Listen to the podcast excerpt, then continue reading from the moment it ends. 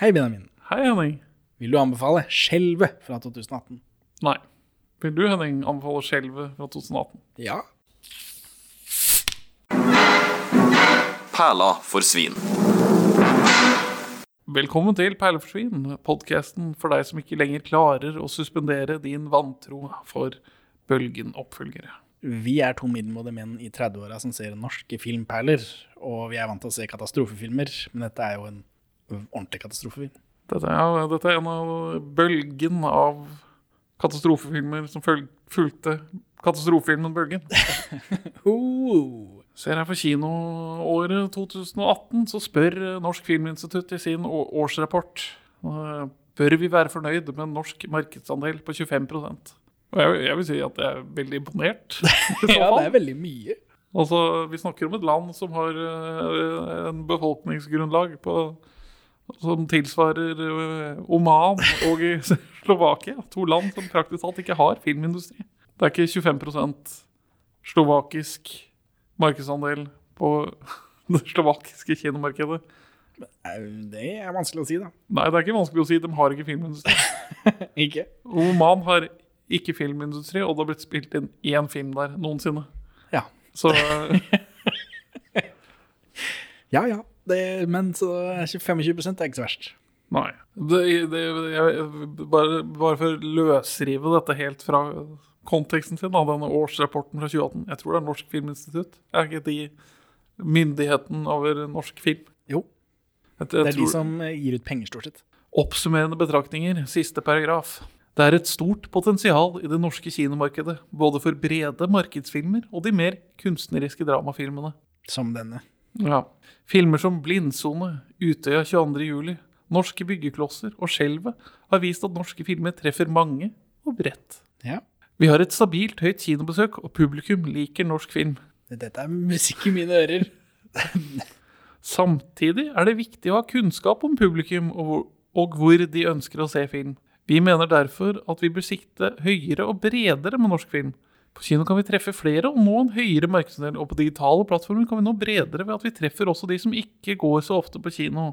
Alle vet at folk flest vil se eh, film på podcast. Se norsk film på podcast. Naturligvis. Vi vil jo få det ferdig konsumert av semiprofesjonelle konsumenter. Vi har tjent 71 kroner på den podkasten, Henning. Vi har fått betalt for å gjøre podkast.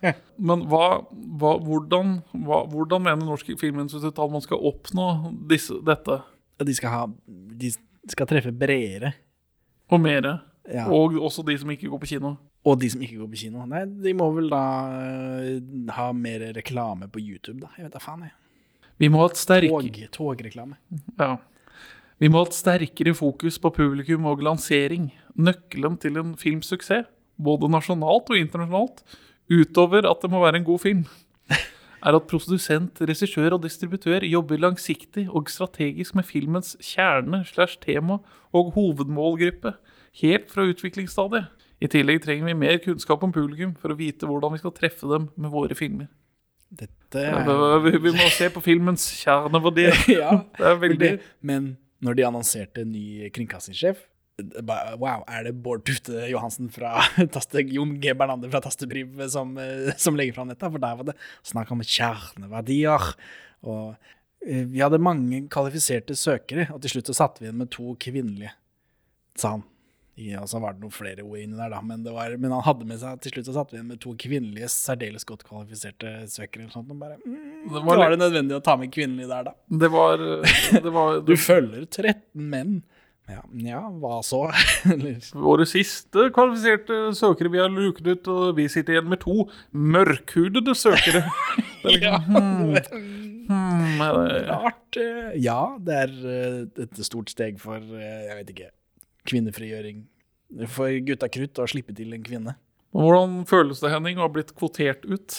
Ja, nei, det er, eh, det er helt jævlig, selvfølgelig. Er, nå skal jeg stemme Frp framover. Eller det er egentlig Frp er for myke. Der har de jo kvinner i flere ledd. Så Ja, Demokratene eller Alliansen det er der, det Der der du endre opp. Ja. Så jeg blir sånn MRA-type, da. Men's right activist. Ja. Nei da, så. Ja da, så. Men, ja, Men dette må- var noe helt annet. Hva var det vi snakka om, egentlig? Det- Skjelvet er det vi driver med. Skjelvet, ja. Men uh, vi bør jo tenke på altså, hvordan skal vi nå no, Vi må jo tenke på kjerneverdiene til vår målgruppe. Ja, vi. Podcastens kjerneverdier. Ja, altså, det er Nå kom jeg ikke på noen Se morsomme- dårlige filmer. Det er en kjerneverdi. Ja, men nei, det er det ikke. Vi ser norske filmer. Det er bare tilfeldig at mange av de er dårlige. Ja, det er Det er ikke min skyld. Altså, Mandatet til denne podkasten er ikke å se dårlig film. Det er det mange andre podkaster som gjør. Vi skal se norsk film i. Ja. Noe som bare, resulterer i ganske mange dårlige filmer, men det det er bare tilfeldig. det er ikke hovedpoenget. Nei, Vi er, vi, er, vi er ikke her for å drite ut norsk film. Nei, selv om det kan det klarer de fint selv. Ja. Nei, Mandatet er vel å se all norsk film. ja, punktum. Og vi, med denne hastigheten her er vi ferdig sånn ca. 2048. Om det ikke kommer en stor økning i produksjonen av norsk film. Nå er det iallfall snakk om Skjelvet, oppfølgeren til Bølgen. Bølgen, regissert av Roar Uthaug, din venn. Min venn Roar Du, du har kommunisert med ham på Instagram en gang. Ja. ja.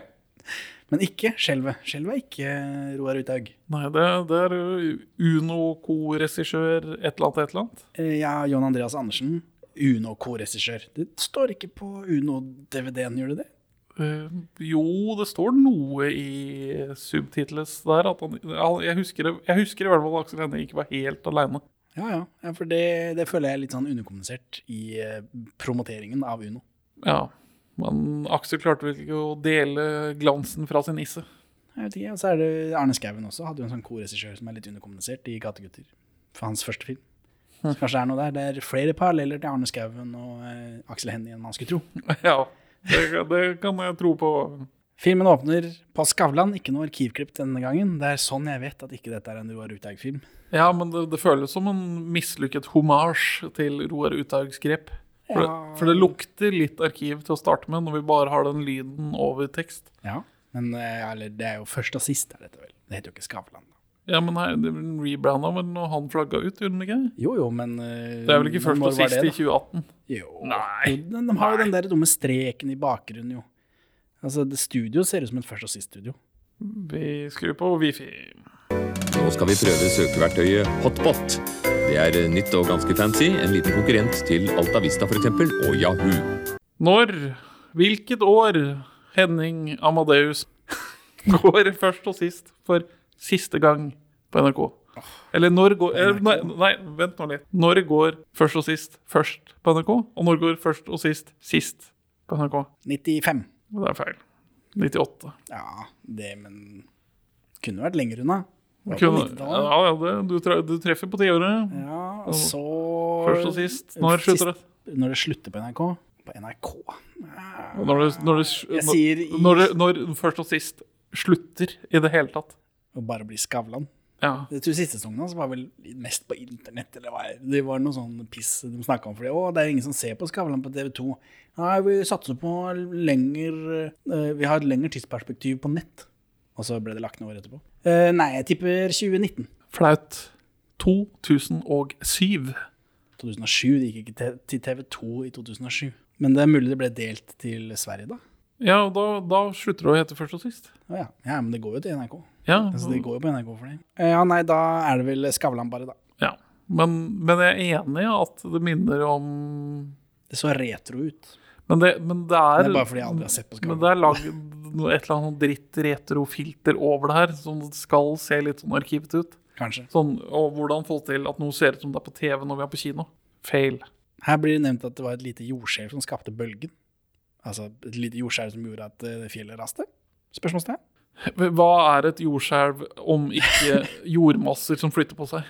Ja, men jeg ser for meg at det har noe med tektoniske plater å gjøre, ikke bare stein som detter. Nei, jordskjelv er som regel bare stein som detter. Noen ganger så detter steinene pga. de tektoniske platene. Men vi ligger ikke lenger under noen tektonisk plate. Under.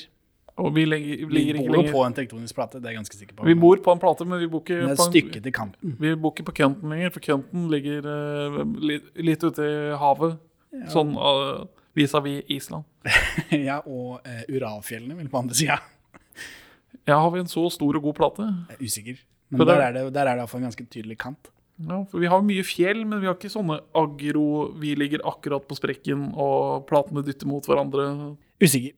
Uh... Men altså, ja, jordskjelv er som regel uh, masser med jord som beveger seg under bakken. Og så har du disse jordskjelvene som er tektoniske plater krasjer mot hverandre, som gjør at masser flytter på seg. Ja, for dette Skavlan har jo et sånt intervju da med en sånn eksperttype. En fyr i dress. Skurken. Ja, litt, men ikke hele tida. Jeg vet ikke. Han er eh, en eh, normal person som lever i en realitet, som ikke lever i film. Ja. Eh, og i, i kulissene så står Kristoffer Joner og massemorderen Ane Dahl Torp. Blir ikke nevnt med et ord. Ja, sant det. Ja, det, hun ble ikke slaktet i kommisjonen som ble satt etterpå. Nei, ja, For han ble hyllet som helten ja. av denne kommisjonen. ja, fordi Joner skal hylles da som helt på Skavlan og greier. Eh, og så håper jeg da at han nevner at kona hans utslettet et helt høyfjellshotell helt alene. Men eh, tydeligvis ikke. Lavfjellshotell. Det var ikke, hadde det vært et høyfjellshotell, så hadde de ikke hatt et problem. Eh, Så er det masse applaus da til Joner og barten hans. Og så kommer det en svart skjerm, og så står det 'Skjelvet'. Så da vet vi hva filmen heter. Ja, det Helikopteret. eh, Forslaget til eh, oppfølgerfilm. Leirrase. Eh, ja, den, den er obvious. Den snakker vi om sist, tror jeg. Husker ikke. Eh, men Nordsjøferden Kristoffer Joner er i det helikopteret som skal hjem fra eh, en boreplattform. Han er jo geolog, så det passer inn på en måte. Og da er han eh, og, eh, Så får det sånn liksom, sånn battle-episode som er litt billigere å filme, for det er bare helikopteret. Og så mener han at det er noe gærent med giret til helikopteret. Og at rotoren kommer til å skilles fra, og så driver alle andre på og sier nei, nei, nei, det går helt fint med det giret. Og så til slutt så skjer det som han hadde skjedd, og så blir familien hans involvert i det. Dattera hadde gjemt seg under setet. Å nei. Ja, Men han er på utsiden av helikopteret nå, eller? Hvor- Hvordan skal han skilles fra dette? Så han, han tar jo da en sånn oppblåsbar flåte, Ja. som ikke er blåst opp ennå, selvfølgelig, for du har den i helikopteret. Han tar den, tar dattera si under ene armen, båten under den andre, og så hopper han ut i fart, og så drar han i den sånn den blåser opp før de treffer vannet. Ja. Samtidig som eh, den rotoren snur seg oppi der og kapper det helikopteret i to. ja. Men for, er tunnelen er det i samme serie? Eh, nei, men det er jo også en sånn film. Det, det kommer det som en, en del av bølgen av katastrofefilmer som følger katastrofefilmbølgen. Ja, og Nordsjøen. Det er heller ikke samme serien. Men de prøver å surfe på, jeg, antar at ikke det er det, i hvert fall. Kristoffer Joner er ikke med, så da er det Nei. Men som tagline til dagens episode sier, jeg sliter med at Kristoffer Joner skal oppleve dette to ganger. Og ikke, ikke bare to ganger, Men han er geolog. Han jobber med sånt. en av de minst actionfylte yrkene som eksisterer. Nei, tydeligvis ikke. Hvis du er sånn actiongeolog, da, du drar til vulkaner og sånt. og Ja, det jo- hender jo man blir brent opp, da. Ja. Ja, jeg var, jeg var veldig på lag med Bølgen, men jeg klarer ikke å suspende my disbelief til at han skal oppleve dette to ganger. Altså, jeg, det, uh, Bølgen with a vengeance. Det, det, har, det har en litt sånn Last Action Hero-smak, ja, hvor eh, Arnold Schwarzeneggers eh, metakarakter, altså filmkarakteren som han spiller eh, Han er på film nummer fire nå, så nå er det fetteren hans eller sånt som blir drept, fordi alle i familien hans allerede er utsletta. så han må ta hevn for fetteren sin. Ja. My best first cousin eller noe sånt noe. det er litt den der at ja, hvor mange ganger kan du oppleve akkurat det samme, da? Ja, og jeg, jeg, jeg sitter med en sånn Die Hard 2, Die Hard 3-følelse. Bare at jeg ikke, på grunn av at det er et så søkt konsept, så klarer jeg ikke å se for meg at han, at han er så uheldig to ganger. Nei, nei. Og så blir jeg veldig støtt av at eh, boligen jeg bor i, blir holocausta i, i filmens uh, utløsende vendepunkt. Ja, ja. Men enn så lenge så uh, har vi bare fått uh, svart skjerm med skjelvet, så vi vet hva filmen heter. Dette er jo på mange måter en Oslo-film. Ja. Og disse Oslo-filmene som vi akkurat har snakka om, uh, altså Joachim Triers Oslo-triologi, de har jo også denne sorte skjermen ofte, med tittel på. Og dette er jo, dette er jo mye, det er mye Oslo i den filmen her òg. ja. Så kommer det en sånn Equinor-reklame. Det er båt i en fjord. Ferje, tror jeg det heter. Nei da. Så er det tre år etter, eh, og det stemmer jo for så vidt. da. Det var 2015, den der bobla. Bobla? Bølgen. Ny, ny film. Boblen. Jeg, jeg tenker på Bhopal, sånn, øh, sånn øh, gassfabrikk hvor, noe skjærer seg, og så kommer det bare en sånn bølge av død skyllende nedover dalen. Eh, men de nevner det faktisk en sånn boble. De nevner det her i filmen her, så er det snakk om De har en kort referanse til eh, Lake Nyon-katastrofen i Kamerun. Ja, ja, ja den, den, den prøvde jeg å tenke på. Ja, Ja. For det, det er noe som skjer, at øh, gass fanget i innsjøer blir ristet løs, og Ja. Kommer det bare Oi, nå, nå går det ikke an å puste lufta her lenger. Det var rart. Og så dør man. Ja, for den katastrofen var jo da et limnisk utbrudd, som de nevner så vidt, i 1986. Hvor tonnevis av CO2 da, som var bundet opp i denne eh, Lake Nyon, plutselig slapp pga. et eh, underjordisk skjelv, sier de i filmen her. da. Det er jo mye mulig. Eh, og la seg over eh, som en sky da, over nærområdet, for CO2 er jo tyngre enn luft. Eh, og kvalte 1746 mennesker og 3500 dyr. Ja, kyr. Så dårlig stemning. Så det kan være neste, da. Bobla. Bobla. Det, blir liksom, det er som når du eh, slår på en ølflaske på fest. Folk har ølflasker, går rundt, og så tar du ølflaska di og klunker opp på den andre, og så pst, bobler det ut. Det er sånn Kristoffer Joner kommer til å illustrere hva som holder på å skje Ja. i, i, i Hamar, da. Mjøsa. Det er masse CO2 bundet opp under Mjøsa. Vi kommer til å se. Vi må evakuere Hamar nå. Gjør Gjøvik. Gjøvik er livs... Det er livsfarlig å være i Gjøvik. Hvorfor har vi den store røde knappen? Om vi ikke trykker på den store røde knappen? Nei, nei, nei, vi må selge flere lute, lusekofter, sier eh, jeg vet ikke, Nikolai Kleve Broch er det som har den rollen her, som faen andre er død. Ja. Han spiller broren da, til Fridtjof. Eh, Lurt, lurt. Cash grab.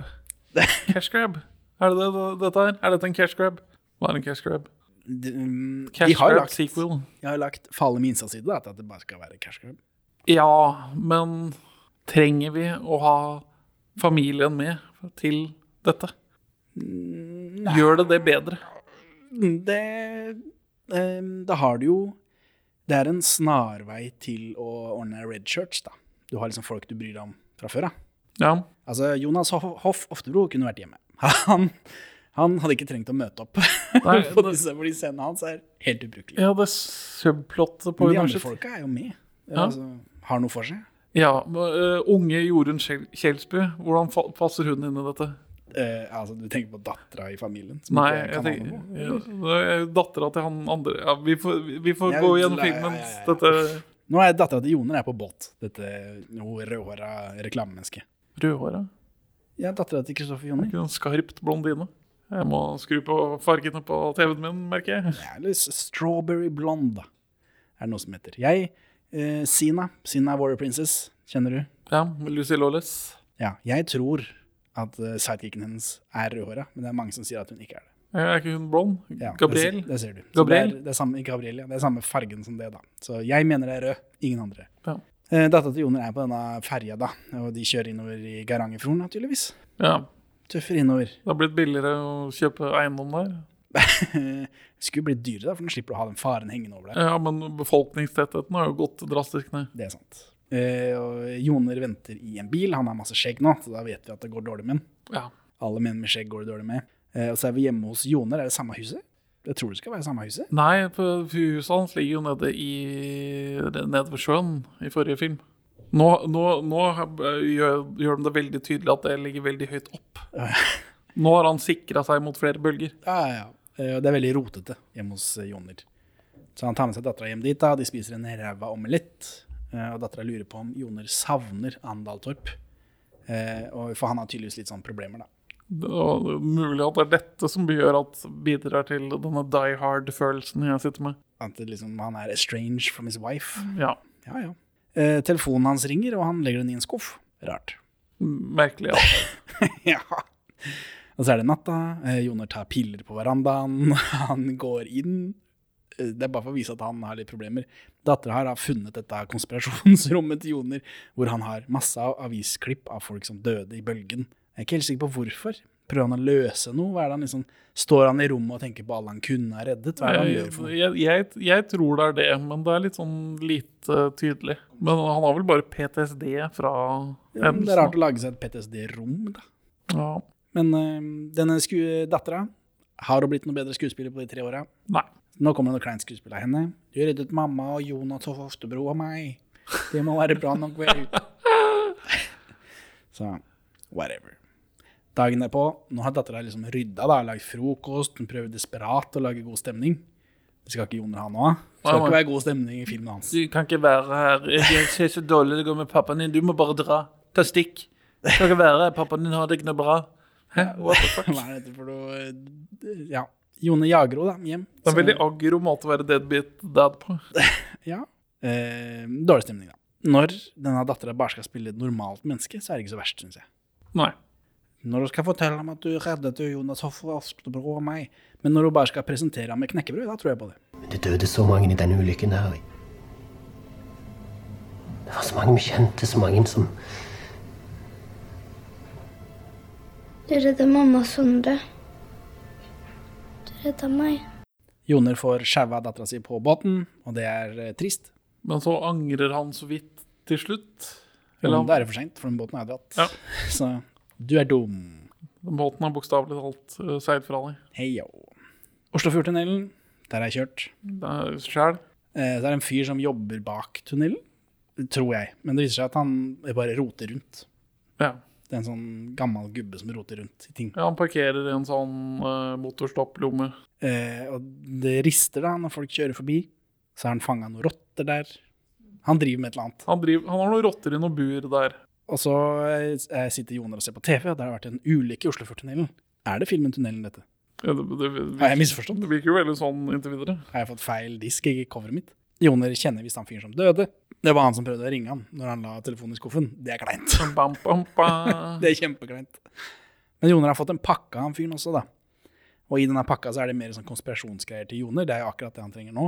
Ja, det er i hvert fall en annen konspirasjon. da. Så det er han fra, få han litt vekk fra den som har gitt ham PTSD. Ja, for det, det er QAnon. Det er masse mole children under Oslofjordtunnelen som, som, som kongefamilien eh, tar adrenochroma. Drikker blodet til. Det er faktisk et eventyr om Ekebergåsen som raser i denne filmen, hvor eh, det er noen folk der som spiser barn. Ja, yes. Eller har, du vet den filmen 'Changeling' med Angelina Jolie? Vet og vet, men ja, den eksisterer. Ja, det, det, jeg, jeg bare, når jeg flytta til Ekebergåsen, så var jeg bare Å, Ekebergåsen har sitt eget eventyr. Den bør jeg vise til barna. Og nei, eventyret er at det bor en konge under Ekebergåsen som kidnapper barn i området. Og erstatter dem med helt identiske barn, sånn at foreldre ikke vet at de er borte. Ja. Kjempehyggelig å lese rett før leggetid. Jo, jo. Men byttinger er jo noe. Ja. Det er gjerne hulder. Jeg driver hulder av med det òg. Eller bytte med hulderbarn, eller barn med hale. Jeg trodde Så bare... hvis man er snill med disse byttingene, så får man gaver og sånt, og så blir de bytta tilbake etterpå. ja. Men det kan hende at dette eventyret er basert på virkeligheten, da, siden det er en konspirasjon. Ja, altså alle eventyr er vel bare virkeligheten. Det er sant. All, all fortelling er ekte. Ja. Men han bomma jo. Ja, han bomma kanskje på tidspunktet, men det han hadde rett i, at hvis et skjelv treffer Oslo i dag Og la oss si at det ikke er samme styrken som i 1904. La oss si at det blir på seks. Åtte. Ja, det er ikke dobbelt så sterkt. Det er en million ganger sterkere. Tusenvis av folk kommer til å dø. Joner får ikke sove. Han er opptatt med denne konspirasjonsveggen sin. Så han står da i mørket, titter. Eh, så ser han bilder av familien sin. De bor vel i Oslo, så derfor må han gjøre noe med denne nye konspirasjonspakka han har fått. Han må bare sjekke det ut. Han vet hvor dårlig det går om han sjekker ut for seint Ja, fra altså, forrige gang. det geologimiljøet, der er det mye Det er mange helter. Ja. Så er det bilder av Oslo eh, fra lufta, for det er eh, Joachim Trier som har filma dette. Det er ikke det. Nei. Nei, det var humor. Du så på meg som, som om han faktisk hadde lagd selv. Kanskje, kanskje hadde lånt noe, noe som ble igjen på Klippegulvet. Det kan faktisk hende. Eh, Joner drar til et sånt forskningssted, der er han filmet dress, da. Og de har sjekka det Joner bra, ba om, så det er jo alt bra, da. Ja, det... Vi har faktisk gjort det. Denne konspirasjonsfyren som er helt frysete. Vi har gjort det du ba om. Alt er bra. ja, for han mener at det er mikroskjelv som varsler om at det kommer et større skjelv. Mens myndighetene, altså de som tjener på at man ikke varsler befolkningen, De som tjener på død og fordervelse. de mener at eh, de gule prikkene på kartet samsvarer med sprengninger og byggeprosjekter. Ja, men mm, de mener jo det på ordentlig. Det er ikke som om de bevisst har laget de gule prikkene på kartet for å dekke over. Ja, det, men vi får jo vite seinere at uh, de vet ikke konkret at det stemmer. De vet bare at det stemmer sånn noenlunde med byggeprosjekter man har fått meldt inn. For de får ikke meldt inn konkret når det er sprenginger og ting som Nei, nei, men når de sier at det er et byggeprosjekt her sånn, og så kommer det noen små eh, sånne greier, så regner vi med at det stemmer. Det får være grenser for hvor liksom, mikrostyring de skal ha. Om han dressfyren skal stå der ute og sitte med kikkerten sin oppe på Ekebergåsen og titte ned på den ene byggeplassen etter den andre. Det skjønner jeg. Men Det er i hvert fall, det er noe, De har masse sensorer på over hele Oslo, tydeligvis. Ja, jeg har en sensor uh, rett ved meg, faktisk. Da ser du, går du, Sparker du bort den noen ganger? Ja, Det skal jeg faen meg ta og gjøre neste gang. Sett på klistremerket på pocketen, og så sparker du på den når den her skal gis ut. Så de, de kommer bort hit og så bare Oi, alle hva skjedde her? Så rykker de ut, ikke sant? og så ser de podcast perler for svin, og så slår de opp det, og så Skjelvet, ja. Det, det er jo en klassiker i geologfilmer, i norske geologfilmer. Så de, de har god kontroll. Og så har de dette kartet, flotte kartet med masse gule prikker som er menneskelagde, og så har de de røde da, som er ikke menneskelagde, mener de. Eh, Og så ser vi på dette, så ja, ja, helt, helt ålreit. Og så sier de også at de kan ikke måle en rystelse før den skjer. Og det Joner er jo enig i, tydeligvis, da. Så jeg står Joner og selger på bygningsarbeid, tenker litt på prikkene. Ja, Joner tar for øvrig feil. Forskere, øh, geologer, kan ikke forutse når det kommer jordskjelv eller vulkanutbrudd. Man vet at noen ganger før jordskjelv og vulkanutbrudd så er det små ristninger tidligere. Også andre ganger så betyr små ristninger ingenting. Jeg tror jeg kan forutse hvor. Hm? Jeg tror jeg kan forutse hvor det kommer vulkanutbrudd og sånn. Ja. Rundt, vulkaner. Som, som ofte, men det hender jo at det dukker opp en ny vulkan, men ikke så ofte. Men altså, man vet Man har ikke en god nok forståelse av hvordan jordskorpa oppfører seg til at man kan predikere noe som helst. Så Joner tar feil. Han fyren her tar dessverre rett. Altså, ifølge filmen. Ifølge filmen så har Joner rett. Ja. Du, Men det mener, du mener at, denne, fyren, at eh, det som skjer i filmen, er egentlig er anekdotisk? Det er ikke forskningsbasert, det Joner driver med. Han, han roter rundt, finner masse tegn, og så tilfeldigvis så går det et skjelv som ikke har noe med de tegnene å gjøre. Ja. Al eller altså, de tegnene kunne like greit betydd ingenting. Fordi Ja. det som regel betyr ingenting. Ja, ja. Fordi vi ikke klarer å predikere. Vitenskapen har ikke kommet langt nok til at vi kan predikere hvordan jordskorpa oppfører seg. Men han har jo vært i film før, så han vet åssen det går. Ja, det er sant. Nå er han eh, frisk fra PTSD, så han barberer seg. Det er sånn det fungerer. Ja, ja, men nå har han fått roe seg. Nå har han fått vite at det går bra. Ja, Han beholder den pedobarten sin, da, så det er jo bra. så, tar jeg og stryker meg i barten. eh, og så drar Joner hjem til han fyren som daua i Oslofjordtunnelen, og treffer han dattera til han fyren som dø døde. Hva, er det noen du kjenner igjen? Ja, Det er unge Jorunn Kjerpe. Det er, dette er hun som tar jobben til Jenny Skavlan i Burning 3. Ja, det er der jeg har henne fra. ja. Så jeg kaller det bare Burning i notatene mine. Jeg vet ikke hva det heter. Jeg har ikke sett noe annet. Men, men i den filmen her så ligner hun så mye på unge Jorunn Kjelsby at jeg klarer ikke å tenke på annet. Jeg, jeg tenkte ikke på det. Jeg tenkte bare på at hun der ligner ikke på Jenny Skavlan. Nei, hun ligner på Jorunn Kjelsby. Men er for OK, nå, her faller jeg litt av. For han, gjennom geologkonferanse, kjenner faren til unge Jorunn Kjelsby. Jeg fikk inntrykk av at det var liksom læremesteren hans, eller noe sånt. At det var, at det var et tettere bånd enn bare at han har sett den Ja. gang iblant. Så, men hva er relasjonen til Joner og Huberte? Ingen. Hvorfor henger de så mye sammen? Hvorfor offer, er hun villig til å ofre livet sitt for han og barnet hans? Vi, vi kommer til det, men da har det jo gått ganske langt. Da er det jo liksom, da er det en fullstendig krise. Da gjør man uh, ting som man må gjøre. Men før det så burde jo hun eh, ja, ja, Om en senere to så burde hun kjent igjen at å ja, dette er en fyr som har samme sinnslidelse som min far. Jeg bør skygge unna. Men hun gjør ikke det. Hun bare blander seg inn i det Ja, hun begynner å tro på ham. Hvis man har foreldre med sinnslidelse, så tiltrekkes man typer av den samme type Ja, men dette sinnslidelse. her, det er ikke pøking, dette. Det er jo ikke noe nei, nei. romantikk eller noe som helst. Det blir ikke lagt fram på noen romantisk måte. Bare at hun begynner plutselig å tro på den eh, sinnslidelsen, eller på den illusjonen som faren hennes alltid har hatt, som hun har trodd var eh, Coco Bananas. Altså plutselig, fordi Kristoffer Joner legger frem det samme, så tror hun på det. Jeg ville sjekka banen, i hvert fall. Jeg kjente, å ja, eh, faren min ødela livet mitt på denne måten. Du driver også med det samme. Takk for meg. Men hun har nettopp mista faren sin, så hun prøver å fylle hullet i hjertet sitt. Det kan også hende. Det blir ikke sagt i, i, i filmen, men, Men, ja. men hennes motivasjon for å fortsette å henge med Kristoffer Joner er litt merkelig.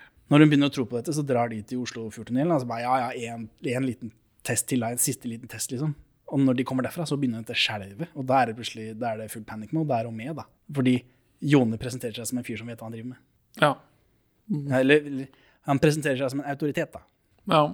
Har gjort og fortsetter. Han, han bestemmer hva de skal gjøre, og hun blir bare med. Hun er en følger.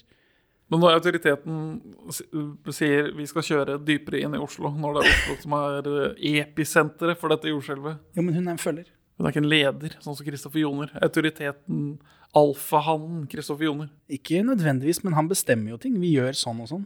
Jeg skal dit, vi må dit. Sånn og sånn. Det er ikke sånn at han liksom Han, han må ikke undertrykke henne først. Hun bare Han legger fram 'dette må jeg gjøre', og så blir hun med. Jeg, For da er hun allerede med Ja. på lasset, liksom. Så, men øh, Joner får sjekke da kontoret til han fyren som døde. Og han har også masse sånn konspirasjonsgreier, men masse i esker, liksom. Ja, Esker på esker. Han bor forresten i et veldig flott hus. ja veldig, veldig flott. På Røa. Og så ringer, når han, Jone får se på dette, da, så blir han mer konspirasjonsgal, som han pleier å være. Og så ringer han han fyren i dress igjen, han fra kontoret. Eh, Han fra kontoret han går rundt med noe produktbasering fra McDonald's. Kjempefint. Ja, veldig merkelig. Naturlig. Naturlig og fint. Det er sånn folk gjør. Joner lurer på om de feilregistrerer naturlig skjelv som menneskeskapte. Og det sier jo han at det gjør vi ikke. Nei. Så driver Joner og stalker familien sin.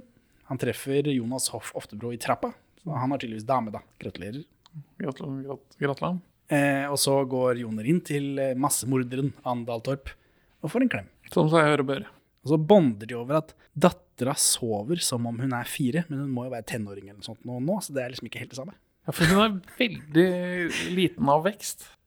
Men ikke nok til at det blir lurt, på en måte. Nei, men hun, hun, hun er For nå ligger hun i senga, så har hun sparka seg dyna seg. Hvor gammel er denne ungen? Hun må jo være tenåring. Nei, ti, da. Jeg tror ikke hun er tenåring. Eller Når er det man slutter å gjøre, være liksom søt barn i seng? Det vet jeg ikke. Det har ikke kommet så langt med mine ennå. Nei. Nei, jeg syns det så rart ut. Det er sånn liksom, ligger en student der sånn har sparka seg, og så skal og Andal Torp kommer inn og brer over, og, så skal de stå utafor og bonde over liksom, studenten vår. Andal Torp tror at det hadde vært digg med et lite sammenbrudd, så hun kan slappe av litt. Og jeg tar på å være alenemor i Oslo. Ja, for de liksom fleiper med at han helt tydelig har en sinnsli- sinnslidelse. Det virker litt sånn usympatisk. Ja. Og så ler han, og så er det sånn Da bonder det, ikke sant? Kanskje blir det noe fingring, håper han. ikke sant? Ja. Joner skal fortelle om konspirasjonen sin, men strømmen går inne hos Torp der. Og da Torp bytter sikringer i kjelleren, for hun er jo handy og tror på sjel og alt det greiene der, sånn, det, kommer fortsatt ikke, det er fortsatt ikke noe grunn til at de hadde med det i første film. Nei. Får ikke brukt det nå heller, annet enn at hun kan bytte sikringer. Og så kommer det masse rotter. eh, Og, og Andal Torp liker jo å drepe, som prøver å trampe det i hjel. Ja. ganske brutalt, syns jeg. Jeg, jeg, hva, hva driver du med, Anne? Hun liker å drepe. Ja, hun er bare en mordere. Cold-blooded. Ja. Nå er vi i operaen. Dattera skal danse ballett. Katrin Sagen er der. Kona til Steinar Sagen. Hun er sånn eh, psyko podcast-psykolog. Ja, jeg kjente med Katrine. Ja. Katrin. Katrin. Så godt kjent var jeg ikke. Eh, Jone roter rundt i huset til han som daua i den tunnelen, da, og hun fra Burning prøver å jage han ut, men istedenfor eh, istedenfor å gå, så snakker han heller om at det finnes viktigere ting enn familie. Det er sikkert det hun vil høre rett etter at faren hennes er død. Den koko-faren hennes. Ja, og så og så, uh, For, work. og hun sier det også. Altså, for hun jager hans for hun må velge sanger til begravelsen til faren sin, rett etter at han har sagt at det, det finnes ting som er viktigere enn familie. Han prøver å workshoppe faren sin psykose til at ja, men han prøvde jo å redde deg. Men her burde det vært en greie, da, at han, hun skjønner at dette er en fyr som har samme sinnslidelse som faren hennes. Men uh, i stedet så hjelper hun han. Bu! Og hun hjelper han med å bryte seg inn i Oslofjordtunnelen, for der har det vært en sånn ulykke hvor to stykker har daua. Og, når Oslofjordtunnelen har en ulykke i seg, så bare stenger man den av, og så iverksetter man ingen arbeider. Det kan, man, det kan vente til over helga. Eh, altså, ja. Det er, det er Den Oslofjorden Oslofjordtunnelen er mer stengt enn den er åpen, det er jeg helt sikker på. Den er stengt hele tida. Det kan være, men jeg mistenker at man begynner å gjøre noe ganske kjapt etterpå. Dødsulykker og sånt noe, da. Det er mulig det er Det er bare å vaske asfalten, så er du tilbake. Jo. For denne filmen så er det iallfall ikke skjedd noe. Eh, Det har rast, da. Han, eh, Jone roter rundt, han finner utstyret til denne gubben. Eh, Altså, denne rotta i buret er, er borte. Jeg tror den er dau. Jeg syns ikke jeg så den inn der. jeg. Jeg har fått skrevet den er borte. Det viser seg at de dør senere, så det er vel Og så har han, han Fyren har bora i taket, så nå driver Joner og drar i det boret. Det er ikke noe lurt. Hvis, han, hvis noen eh, får ras over seg fordi de borer i taket, så hadde ikke jeg liksom klatra for å ta i det boret. For han driver og tar jordprøver, da. Ja. Så er det danseforestilling i operaen, hvor eh, Joner da selvfølgelig har lovt å komme, men han er opptatt med psykosen sin, så han gjør ikke det. Men det her er det ingen lyd. Andaltorp går, hun ringer Joner. Joner har en jordprøve da i fanget, for nå er de ute og kjører. Altså knuser den på veldig dramatisk vis. Så det er tydeligvis sprøtt, dette fjellet. Da faen, Hva er det han forventet å finne, da? vi, vi har ikke noe Vi vet ikke Ja, hva han skal finne. Og det, og det er liksom meningsløst, fordi det, hva, én jordprøve vil jo ikke At én en del av fjellet er porøst, vil ikke bety at nå kommer det jordskjelv. Eh, Nei, men Nå vet ikke vi hva det står i disse konspirasjonspapirene. At han Påsan. Om det står om han har tatt jordprøver andre steder. Og så blir hele Oslo mørklagt plutselig. Da, da, da, Skjelvet baby! Operaen knuser. Forskjelvet. Dette er ikke de skjelv. Men jeg trodde jo det, håpa det, det var skjelvet. Jeg skrev disse notatene. Operaen knuser, Torp løper inn etter dattera. Og her er hun blitt ubrukelig plutselig. Igjen. Ja, For nå har dattera gjemt seg under et bord da på scenen. Like ubrukelig som sist. det lærte man uh, duck and cover. Det sto i manualer på 50-tallet. Ja, det er ikke så dumt, men, uh, men, det, men det er dumt fordi folk må lete etter hele tida. Men, nå har de- men hun er like ubrukelig som sist, men nå har de jo en tidligere episode å spille på, da. Men det gjør de jo ikke. Nei. De kunne liksom ha du har PTSD, du også. Nei. Da. Nei. Og så etterpå, så det jeg trodde var skjelvet, virker som det bare er et sånt operaskjelv. Det er Ja. Bare operaen som er ramma, ikke noe annet. Men jeg liker den knuse landemerkegreia som vi plutselig har begynt med i Norge nå. ja, I forbindelse med dette. Liksom, ja, det- Operaen vet folk hva er for noe, det ødelegger vi. det, det er gøy. Torp ringer Joner, eh, og hun er hjemme, da. Mens Joner driver og flyr rundt der eh, på operaen og er stresser. Ja, det er nede under og ser på noen konstruksjon som er skadet. Ja, for det er han der dressfyren han med McDonald's eh, Påsan, han dressfyren fra Norges geologiske institutt. Han er under operaen. Der har de funnet en søyle da, som har gått stykker, så han skylder på den. Han sier det er konstruksjonsfeil. Du mørklegger hele Oslo. Så sier han også at hele Bjørvika står på leire. Ja, det, men, det, men det er både riktig og feil. Fordi når de bygde Bjørvika, så en av grunnene til at det ble så jævlig dyrt, er at det måtte bore ned til de traff fjell, for å ankre det i fjellet. Man kan liksom ikke si at hele Bjørvika står på leire, for nei, det står bare påler som er festa til fjellet. All, hvis alle leirer bare skriver ut i havet, så står det masse hus der på Påler. Ja, alle dronning. Ikke noe som hvelver. eh, dronning Eufemias gate Som alltid er stengt. er like mye stengt som Oslofjordtunnelen. Ikke enig. Eh, Dronning Eufemias gate er ikke en gate, Henning. Det er en bro. Oh Det går vann under den. Måneden. Men hva skjer hvis jeg, inn, hvis jeg er inne i Barcode, og så forsvinner jeg av leira, og så har ikke jeg merka det, for jeg holdt på med Jeg, har- jeg har bestilt meg en kaffe. Og så går jeg ut, eh, så ser jeg opp på himmelen, da, for jeg hører på podcast samtidig. Jeg hører på deg i podcast. Ja. Og så setter jeg benet på trappen, og så setter jeg benet på trappen, og så er siste steget som skulle vært ned på gata, det er alt jeg har sklidd ut i havet. Så da detter jeg bare ned. Er det Nei, sånn? nei, jeg tror, det, jeg tror det er et sånn dekke av betong og stålvaiere. Nå tror jeg Jeg snakker tror det, du ikke kan om. jeg tror det er et lag av armert betong mellom deg og leira da. Ja vel. Det får jeg bare ta for god fisk. Eh, men eh, han Han fyren han prøver å jage eh, Joner, da. Og Joner tar den der steinprøva han har i hånda, og så pælmer den i bakken foran han dressfyren. For å liksom sette punktum, da. Så blir han jaga. Ja, man sier ja, men vi vet jo at fjellet rundt tunnelen der er svakt. Og så, men ja, kan ikke, kan ikke predikere joner. Driter deg ut. Al altså, joner, om du har funnet en måte å predikere jordskjelv på, altså skriv en artikkel. Få det i et fagfellevurdert tidsskrift. Dette er kunnskap du må dele med verden. Ja, ja. Men han rømmer iallfall hjem til uh, Andaltorp, hvor hun kjefter. eh, og familien hans er i Oslo, sier hun, de lever. Eh, han må liksom fokusere på dem da, istedenfor å bare tenke på alle de som døde, som ikke han klarte å redde under bølgen. For hun bryr seg ikke om folk som dør. Nei, nei, hun, det er bare tråkk over lik. Bare en ny dag for Anne Dahltorp, det. Ja. Hvorfor er Joner her, egentlig? Han har jo ikke vært far. Eller liksom, kan du ikke prøve å være far, da, istedenfor å bare fly rundt i Oslo her og, og drive og rote rundt med prøver og dritt. Så og Joner filmgriner. Så får han en klem. Så er det noe mer Oslo-bilder. Og så holder han derre Han eh, McDonald's-typen han holder på med en sånn tidslinje. Ja. Tegner opp når var det dette Hva skjedde egentlig først? Strømmen gikk, så er det noe skjelv. Så, så han jobber med det, han også. Det er ikke som han er Han er ikke eh, borgermesteren i Haisommer. Nei. Han, han, Han bryr seg jo faktisk, men han eh, jobber med beviser. ikke eh, gale konspirasjonsfølelser. Han er ikke like fornektende som skurken i forrige film, men han stikker jo kjepper i hjulene til Joner. Ja, Men han har ikke noen grunn til å tro på Joner det. er gal Mens Joner er mer tydelig inne på noe i i den første, i Ja. bølgen. Dette er et mer håpløst tilfelle. Liksom. ja. Men han har jo blitt en mer håpløs type òg, så kanskje det passer sånn Jo, jo, jo. tematisk. Andal Torp og Katrin Sagen tar glassheisen opp i Radisson fordi hun jobb, Andal Torp jobber der nå. Hva, hva, hvordan foregår dette um, i jobbintervjuet da, til Andal Torp? Altså, hva tror du dine kunder hos din forrige arbeidsgiver vil si om deg? Jeg drepte alle sammen. Jeg tror kanskje hun pynter litt på sannheten. Og det er jo flere De sier ingenting for de har jeg drept vi kan anta at det er flere busslass som tidligere slapp vekk fra hotellet. i livet. Ja, Skeptisk. Vi har ikke sett de på film. Det, det, Så det, det eneste jeg har sett, det er den tråden jeg trekker, er at alle som noensinne har vært eh, på gjest hos Sandal Torp, er døde. Men iallfall, de drar opp dit, da. Det er sikkert lurt å være der oppe i en fire som heter Skjelvet. Burning-dama tar bilde av laptopen til faren sin. ja, hun oppdager for, De har ikke fulgt opp dette rottebursporet noe særlig. Så finner hun at det er noe sånn Og har masse sånn livekamera. Hvor lenge har fyren vært død? Hvor lenge lever sånne rotter? De har jo, de kan jo lage sånn autodispenser-matgreie. Ja ja. Men det er iallfall er masse rotter på den der kameraet, på laptopen. Jone våkner hos Torp, og hun har dratt av. Så lager han kaffe, det er dårlig vanntrykk. Dun, dun, dun. Jonas Hoff Oftebro kommer. Han lurer på hva som skjer. Joner håper å bli litt. Og så kommer dattera og gir Joner en klem.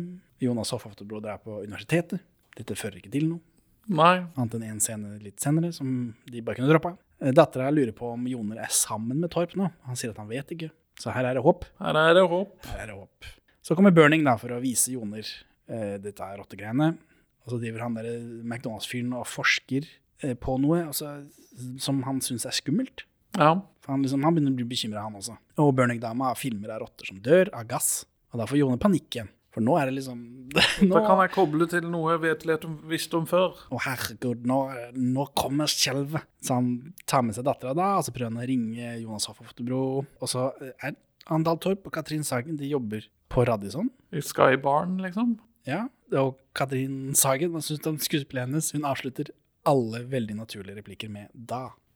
Jeg, jeg tenkte ikke noe over det, liksom. Ikke? Det var helt utrolig tydelig, i hvert fall i den scenen her, sånn, hvor hun har tre replikker på rad som alle slutter med 'da'. Hva? Fortell du?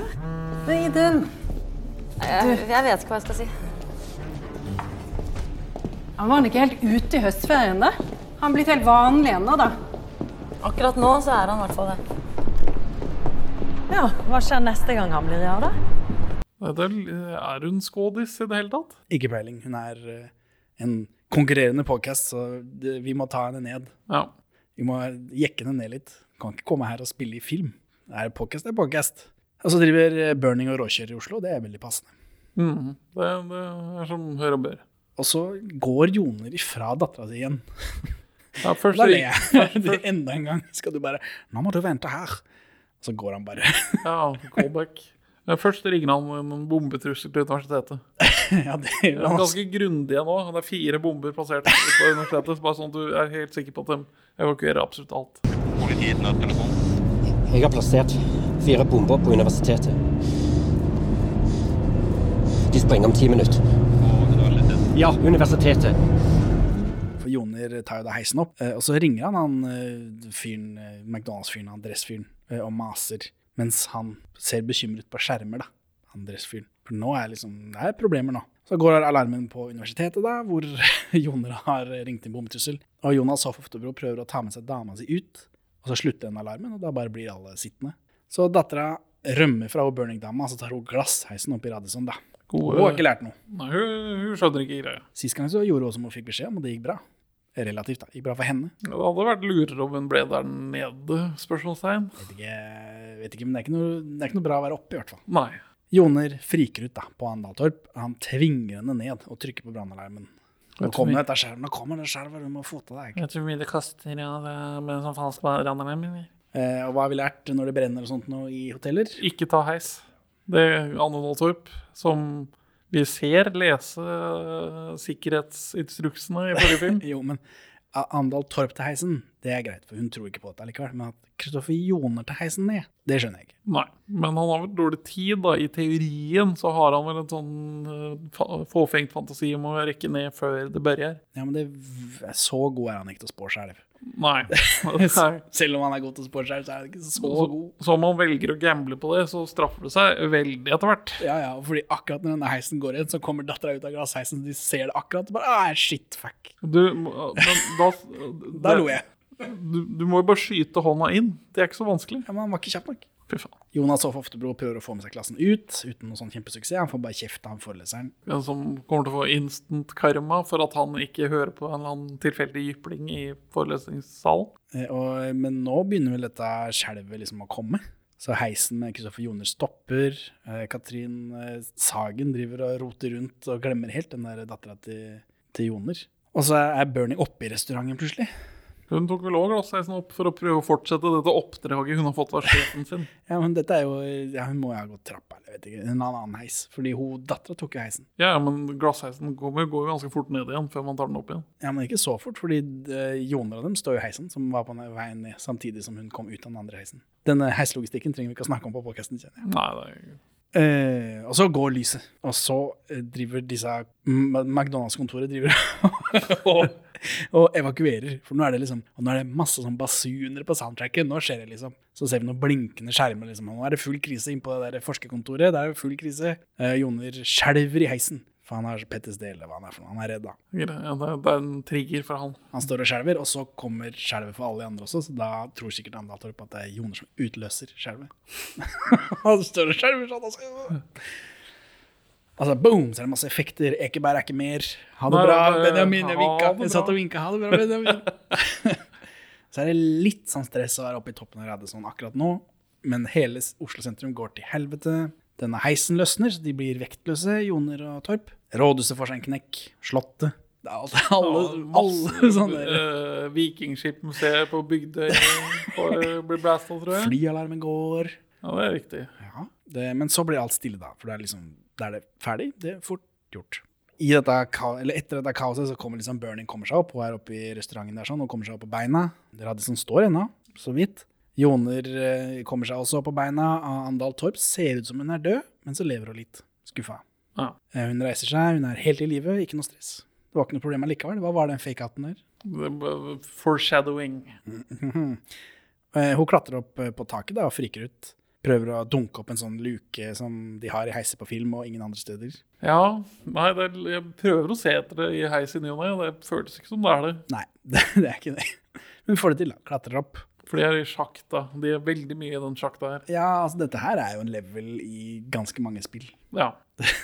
Burning finner dattera. eh, hun sitter med Katrin Sagen, som, og, som ligger og dør, da. For hun har fått en sånn stein på seg. Mye sånn munnblod og gurglelyder. Veldig mye gurglelyder. Uvanlig mye gurglelyder. ja, Det likte jeg. Eller likte og likte. Jeg likte at det var noe eh, At det gjør noe sånn ekkelt og rart som det, Da føles det mer ekte, på en måte. At ikke det er den vanlige filmdøinga. Ja, vi fikk litt, litt lite av det i den forrige, kanskje. Vi får liksom bare alle de som er daue i bussen. Det var litt lite andre skjebner enn familien Torbjoner. Ja, så Mens er her får vi også Sagen. Sagens skjebne. Ja. Eh, men de får Katrin Sagen ut fra under det skrotet, da. Så hun var ikke død allikevel. Og så ta beina hennes høyt. Jeg vet ikke hvor digg det er når det er knust. Nei, pitt, pitt. Eh, Torp og Joner sitter i en veldig godt opplyst heissjakt. For Ja. der er det lys. Det er masse, masse nødlys der. Inni sjakta. Torp skriker, de kommer ingen vei. Eh, nå er Jonar Nyset S, for han har jo venta på dette. Ja, og dette er jo det han har ligget i hardtrening for. Best i krise, ikke så god ellers. Joner trøster Torp, da. Så universitetet har også fått seg en knekk, og det er bare han dumme læreren som er død. Nice. Ja, men det er sånn, nice. Fint at vi etablerte han som en eh, drittsekk da, før han døde.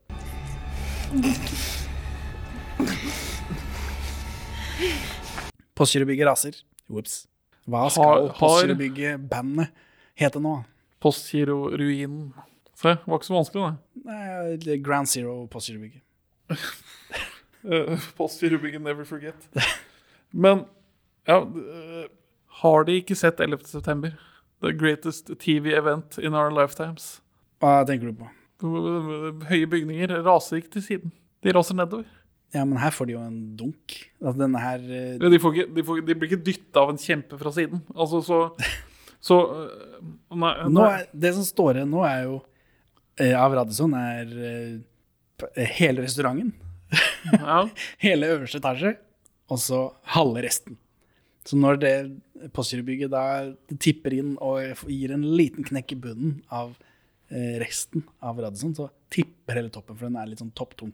ja. Den hadde jo ikke tippa, den hadde jo bare blitt til støv. Lag din egen film da, hvis det er så lett. Ja, jeg, bare, jeg, jeg klarer ikke å suspendere vantroen min. Nei. For det blir for teit. Det er ikke sånn her eh, store bygningsstrukturer fungerer, og heller ikke er ment å fungere i tilfelle jordskjelv. Men når Postgirobygget eh, raser og treffer bunnen av Radisson-hotellet, der, sånn, så tipper restauranten i toppen. Og da sklir Sagen ut. Ha det bra, Sagen. Godt å se konkurransen lide. Eh, og Burning sklir, dattera sklir. Det er regnet Titanic. Veldig Titanic-stemning. Veldig, veldig Hollywood-blockbuster-følelse. Det Ja. er akkurat som den forrige. Ja, de klarer, de klarer å fange seg da, så de detter ikke ut. eh, Men det er et flygel som går ut. Eh, Ja, for det, det, det er sånn jeg, jeg, jeg føler jeg har sett det her gjort bedre på amerikansk film. ja. ja, ja. Med sånn eskalerende fare i eh, skrått miljø. Ja, det kommer jo en Jurassic Park-greier. Ja, det er godt vi er enige. Godt vi er enige. Eh, Torp og Joner i heissjakta da, disse her motvektene til heisen, detter ned og treffer eh, Andal Torp i beinet. Det ser vondt ut. Først så ser du liksom vaieren forsvinner opp, så det var litt sånn spennende. Hva skjer nå? Kristoffer Joner bare Pass deg, for han vet hvor disse motvektene henger. Eller? Han er eh, heismontør. Ja, men det, det, det må, man må først ta fagbrev som heismontør før man kan bli geolog. Ja. Det er sånn naturlig Så han får den her på beinet. Det ser eh, ikke bra ut heller. Nei, men det er Kristoffer Joner som knekker beinet under innspilling. Så her, er, her har det skjedd noe rart. Ja. Åssen skjedde det, da? Det, det fant jeg ikke ut. Det sto bare at han knakk beinet i en ulykke på settet. Det var ikke sånn at han Han skata i pausen. Han måtte droppe ut av en TV 2-serie pga. dette. Å, fy meg. Det var sikkert vondt for han. Og her, for hele tida mens dette skjer, så tenker jeg etterskjelv og sånt noe, det har jeg hørt om. Det eksisterer. Etter, etterskjelv kommer. Det blir sikkert veldig spennende. Eh, Og Joner forteller, sier her at liksom, vi må forte oss av gårde. eh, Etterskjelv kommer. Så da er det etablert. Så jeg jeg venta på det. Det kommer aldri. Nei, ja, men er, er ikke det at uh, bygningen raser inn i siden Er ikke det etterskjelv utløst? Da? Nei, det virka som det var at det bare hadde Det sto og var uttrykt. Altså, nå orker vi ikke mer. Ha det bra. Det var solnedgang. Oi. Og så hvelva det bare. Uh, Men for nå er det, jeg satt og venta på det, og nå filmen etablerer at det er noe som eksisterer, og så kommer det aldri. Jeg trodde det for, Som med bølgen. Bølgen synes, Selve bølgebiten gikk jo veldig fort, syns jeg. Og her også. Men her de drøyer det mer, da. Jeg, her skjer det mer greier imellom. Men jeg satt fortsatt og venta på flere etterskjell, for de vet det er noe. Og så nevner de det i tillegg, og så kommer det bare aldri. Ja, for det hadde vært en sånn naturlig økning i mengden stress. For altså, det, det er døvt nok å være i ruinene etter et jordskjelv, og så er det enda døvere at Det det kommer flere jordskjelv. ja, Ja, ja det, Det jeg venta på det, men det kom ikke. Dagen etterpå, da. Kanskje, de de, de, det står på den teksten på slutten at det jo kommer masse skjelv og greier, ikke noe problem, men vi får ikke se det. Eller det blir nevnt på slutten. Så da får vi se denne skaden til Andal Torp. Det ser vondt ut, og, jeg føler det. Du, du føler du er med, Jeg- jeg sånn- du har vondt i ditt eget bein. Nei, jeg blir sånn Det, var, å, det, så, det så vondt ut. Så ikke verst. Joner prøver å svinge seg over og ut i en sånn åpen dør, da, men han bommer. Lol. Men det går på andre forsøket. Det syns jeg var realistisk og fint at han bommer. Ja, og gjør det litt mer jordnært. Ja. Jeg- Ikke? Jo, nei, jeg bare syns se- sekvensen trakk litt langt ut. jeg. Jeg- Men payoffen, da? Hæ? Fordi nå, eh, Joner han kommer seg inn, han er jo nå ute av heissjakta. Og så driver han og motiverer Torp, som har litt vondt i benet, og syns dette er vanskelig. Og så har hun også i tillegg hun har sånn magesår som, som på som dør av, som han ikke ser, men som bare blør masse innafor jakka. Ja, Som bare var litt pussig å etablere der. For det er jo en dødsdom på film, men det er ikke det hun dør av. Nei. Men det vil jo redusere evnen hennes til selvberging. Skulle tro det, men ikke egentlig. Nei, uh, Tvert imot. Men, eh, Joner motiverer Torp, og han hiver den der vaieren bort til henne. Og Torp svinger over, og så klarer ikke Joner å ta den. Eh, Kjedelig. Kjedelig å måtte tenke på det etterpå. Ja, det, Og så detter denne heisen litt, og da får ikke Joner tak i henne i det hele tatt. Og så henger hun bare og ser dum ut, og så sier hun alle litt der, «Å, jeg er helt sikker på at jeg kommer til å dø-greiene. Og så blir Joner sint. Så sier hun, «Da- da kommer du deg opp de, der, de dumme hespetre. Og så begynner hun å klatre. Ja, og, og- det er tungt, det. Å bare liksom armdra seg ja, opp. for hun har ikke bruk av beina sine, så de driver dingler løs. Det er, og, og hun har allerede hengt ganske lenge. Ja, ja, så altså Selv om hun hadde beina, det, da må du liksom jobbe. ja, men hvis du har beina, så er, da er det mer teknikk enn styrke. Ja, For da kan du låse og dette er trekke. Bare styrke.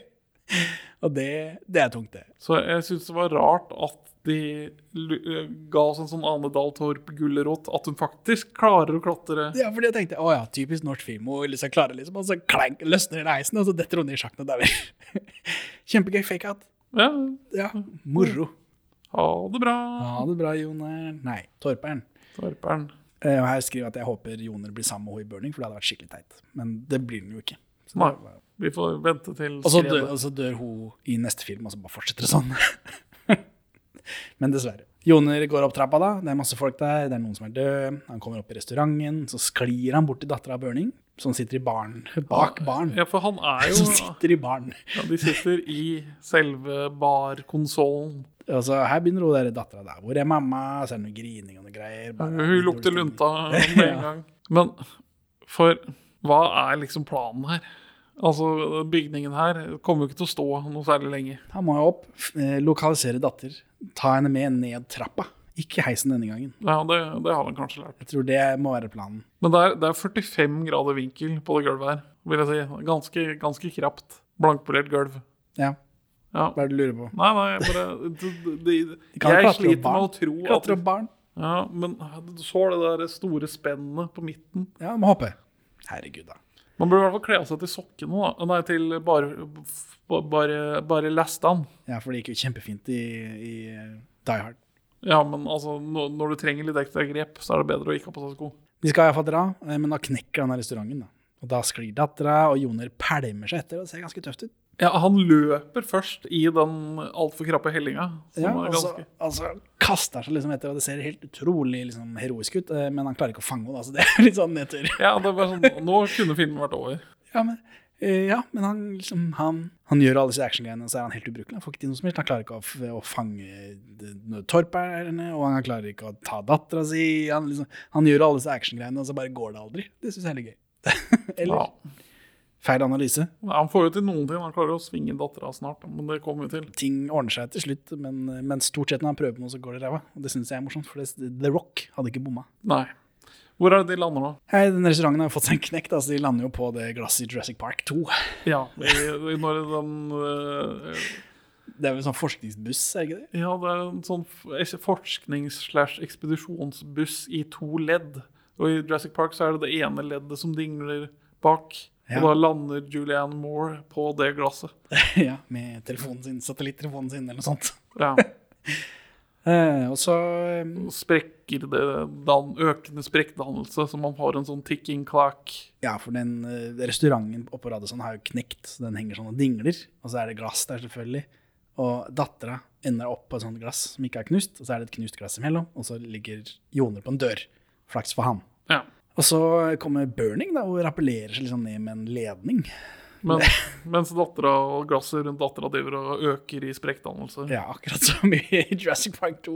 Eh, og så ryker den der ruta, og da Joner pælmer seg da på liksom, den stanga eller på ramma til glasset og tar tak i dattera. Dette er engasjerende. Ja, og de, de- de holder fast i glasskoer og driver og blør, og dattera holder seg fast og driver og blør. Ja, ja, ja. Og så er det veldig langt ned, da. Det det er veldig langt ned. Det er veldig langt ned fra 34. etasje.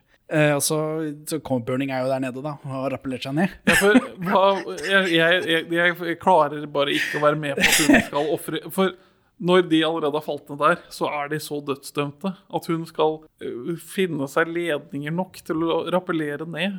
Ja. Det, hun er for lite etablert som karakter til Hun er uselvisk, i hvert fall. Ja, ja. Beundringsverdig. Hadde ikke du gjort dette, da, hvordan skal, skulle hun sove om natta da, hvis hun bare lot de ligge igjen der sånn, så gikk hun bare ut av restauranten? Bedre å slite litt med å sove om natta enn å sove for alltid. Ja. Nå er det en sånn sekvens hvor Kristoffer Joner må svinge dattera si over denne ruta til Burning, så de liksom kommer opp. Eh, Hvorfor det? Jeg skjønner ikke helt. Fordi Det er mer spennende. hva skal han ellers kunne slippe jo, tenker du på? Nei, dra henne opp, da. Ja, men det er jo, det henger jo på den der stanga. Det er jo den Ja, det er litt lite plass eller på den. da. Ramme. Det er liksom ikke så Men det er nå i hvert fall sånn det blir, da. Det, han får svingt over, det er god stemning, men nå er jo alle fanga her, har jeg skrevet. Men eh, de får krabba seg opp da, til stille, til stille pianomusikk. Null stress. Null stress. Og så er det mer eh, sånn Oslo-bilder, Joakim Trier Oslo-bilder. Litt annerledes Oslo enn vi er vant til. Litt Oslo sliten nå, Oslo. Eh, Og så eh, senere, bare. sånn, ferdig. Vi trenger ikke å se hvordan de kom seg ned derfra. ikke noe problem. Nå er all action som har skjedd i Oslo, er over. Eh, nå er det senere. Burning er på kontoret til faren sin. Hun ser på et bilde, hun gråter en skvett. Eh, og så er vi i Geirangerfjorden eh, på ferje igjen, da. Familien Torp Joner minus Torp er på vei innover. og da er de ferdige med å bo i Oslo, antar jeg? Eller? Men nå er alt bra, da. Fordi nå har Joner sikkert ingen problem lenger. Ja, nå har han fått det ut av systemet sitt. Og da, Det ble ikke noe etterskjelv som vi får se, da. Så, men nå får vi noe tekst da, hvor de skriver om uh, jordskjelvaktiviteten i Nord-Europa, og det kommer til å komme et til, men ingen vet når. Dun, dun, dun. Slutt. Veldig gøy at vi spiller inn uh, denne episoden på en dag hvor det har vært et uh, stort jordskjelv i norsk territorium. 5,2 på rikteren. Ja, Oslo-skjelvet blir nevnt, det var 5,4. Ja. Ingen døde, så det syns ikke det var sånn Nei, for, ikke det var sånn superflott uh, å etablere med det. her kan du forklare Richters skala. Uh, altså, to er ti ganger mer enn én, Ja. og så videre. Ja. Så jeg vet ikke, det er vel tre ti ganger mer enn to igjen, da. Antar jeg. ja. Den er eksponentiell. Så ti er sånn 18 milliarder mer enn én. Ja. Så at skjelvet i Oslo-skjelvet var helt ålreit størrelse, det er greit, men det var ingen som døde. Det skjedde jo ikke noe. Nei? Det, er, og det ble noen skader på Johanneskirken og på Id kirke i Halden. Ja, kult. Kult, det. Det Wow. skremmer ikke meg. Nei. Men, men. Sånn er nå det. Hvorfor vil du ikke anbefale skjelvet, da, Benjamin? Du har jo snakka en del om det allerede, men Ja, nei, det blir jo at det, det føles som en sånn kynisk cash grab og meningsløs eh, oppfølger. Hvor, altså, greit nok at Ja, nei, jeg anbefaler eh, selve jordskjelvscenen i filmen. Resten kan du fint spole forbi. du anbefaler bare de to sekundene hvor Ekeberg eh, blir borte. Ja. eh, Men nei, resten Jeg klarer bokstavelig talt ikke å suspend my disbelief eller suspendere min vantro. Fordi det blir for teit at Kristoffer Joner skal oppleve action-geologlivet eh, to ganger på tre år. Det er han de kaller inn da, når de har noe action. Men de kaller han ikke inn, han bare møter opp. Han ja, men det, det er dette geologmiljøet. De vet at han er liksom en mann av handling, så de sender inn eh, konspirasjonspakkene sine til han. Det er helt vanlig. det. Så Henning, hvorfor vil du anbefale denne filmen? Dette er en film hvor det skjer ting. Ja. det er ikke noe klage på effektene. Det er mer tunnel i denne filmen enn i Knutsen og Ludvigsen. Det er litt rart. Det er litt merkelig. All den tiden det finnes en katastrofefilm som heter Tunnelen. Men det er vel noen som så denne da og ble inspirert. Eh, og så er det litt sånn skummelt at disse filmene er veldig spesifikt sagt, satt til det virkelige Norge. De prøver hele tiden å liksom presse på at dette er ting som kan skje. Det syns jeg er litt sånn ubehagelig. Ja. Syns ikke du? Jo, eh, men de sier at ja, Og det bidrar jo med noe i filmopplevelsen. Ja, ja det, jeg syns det var gøyere i Geiranger, for det føles som en mer, etablert ting som kommer til å skje før eller siden. Mens dette Oslo-skjelvet, det, det Bank i bordet, det, det har jeg ikke trua på. For vi har Mine veggene rister. Åh! Vi bor ikke i jordskjelvland. Vi er leirras. Kvikkleire, det er mer vår greie. Kvikkleireskredet, forslag til oppfølger. Eh, Jonas Oftebro kunne bare vært hjemme, ja. Ja, han, det søppelhodet er bare helt meningsløst. Ja, eller hvorfor sa de ikke bare han studerer i Trondheim? Ja, det, det hadde vært mye bedre. Skulle vi fokusert mer på de karakterene og storyline som vi etablerer som det vi føler. Al altså, alt annet kunne vært helt likt. De kunne bare sagt at han studerer i Trondheim. Vi må få tilbake Roar Uthaug på skredet. På Kvikkleireskredet. Jeg tror de kutter det ned til skredet. Skjelv og skredet, ja. ja. skjelv og skredet. Whatever. Ha det bra, Benjamin. Ha det bra, Henning! Takk for at du hører på Perler for svin. Du finner oss først og fremst på perleforsvin.no, men også på Twitter under perler-for-svin, Facebook som perleforsvinpod, eller du kan maile oss på perleforsvinpod at gmail.com. Gi oss gjerne en eh, rating i din lokale podcast-avspiller, og, og legg igjen en beskrivelse, så folk skjønner hva det er for noe tull vi egentlig driver med. Her er ukas Pål Bang-Hansen-sitat ute av kontekst. Hva vil så regjeringen gjøre med videosituasjonen?